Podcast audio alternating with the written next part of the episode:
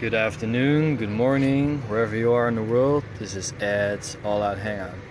Um, this episode is going to discuss something that is quite sad, actually, and I think most of you guys, as music fans, uh, have heard the news that about one and a half week ago, uh, Frightened Rabbit singer Scott Hutchinson actually committed suicide um, while in Edinburgh, and so I wanted to dedicate a whole podcast to the man, to Frightened Rabbit, the band, um, which I think obviously is no more. Um, but I felt like I needed to use my podcast in order to, well, um, give him some sort of legacy and that kind of thing, or to let you guys hear Frightened Rabbit songs or let you guys know Frightened Rabbit if you haven't already heard of the band. Um, so this episode is going to feature a lot of their stuff, a lot of stuff uh, maybe from the National as well, or just bands that Frightened Rabbit collaborated with. Um, anyway, the next song that I'm going to let you guys hear is one of Frightened Rabbit, and I hope you enjoy it.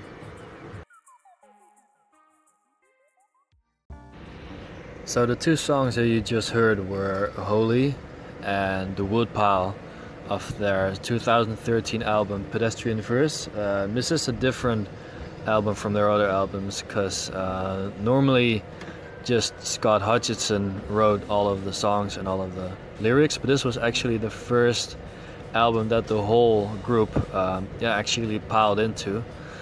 Um, and it was actually their first album into mainstream critical success. Um, as I'm reading an article on the album now, the album is inspired by personal relationships, breakups, and I think that the whole like concept of the album shows that quite well. I think it's their best album uh, so far. Obviously, don't know when they'll, if and if they get a new album out.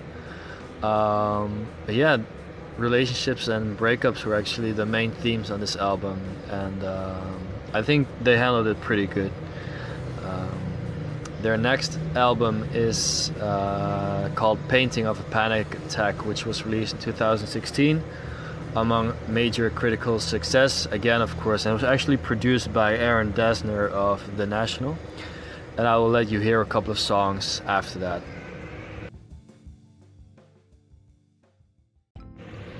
The songs that you just heard, which were I Wish I Was Sober and Woke Up Hurting, um, were obviously from the last uh, Frightened Rabbit album, Painting of a Panic Attack. And what I like about those songs, mostly about the whole album, basically, is just like it's very powerful, but not only that, it's it seems like the songs are more uplifting as well, and it's it's it's kind of weird because. Um, Scott was talking about that they might release, well, that they were in the process of actually creating a new album, uh, which should have been released, might be released this year or next year.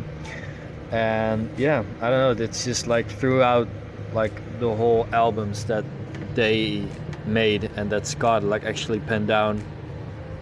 He was a great um, advisor and like spokesman for mental health issues, which I think should not be underestimated. And within that, uh, Frightened Rabbit did a really great job of addressing those issues.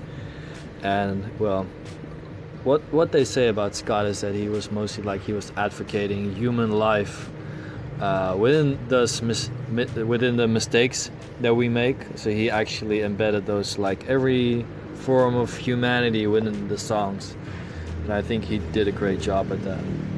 Um, the final songs that I'm going to let you guys hear are England from the National.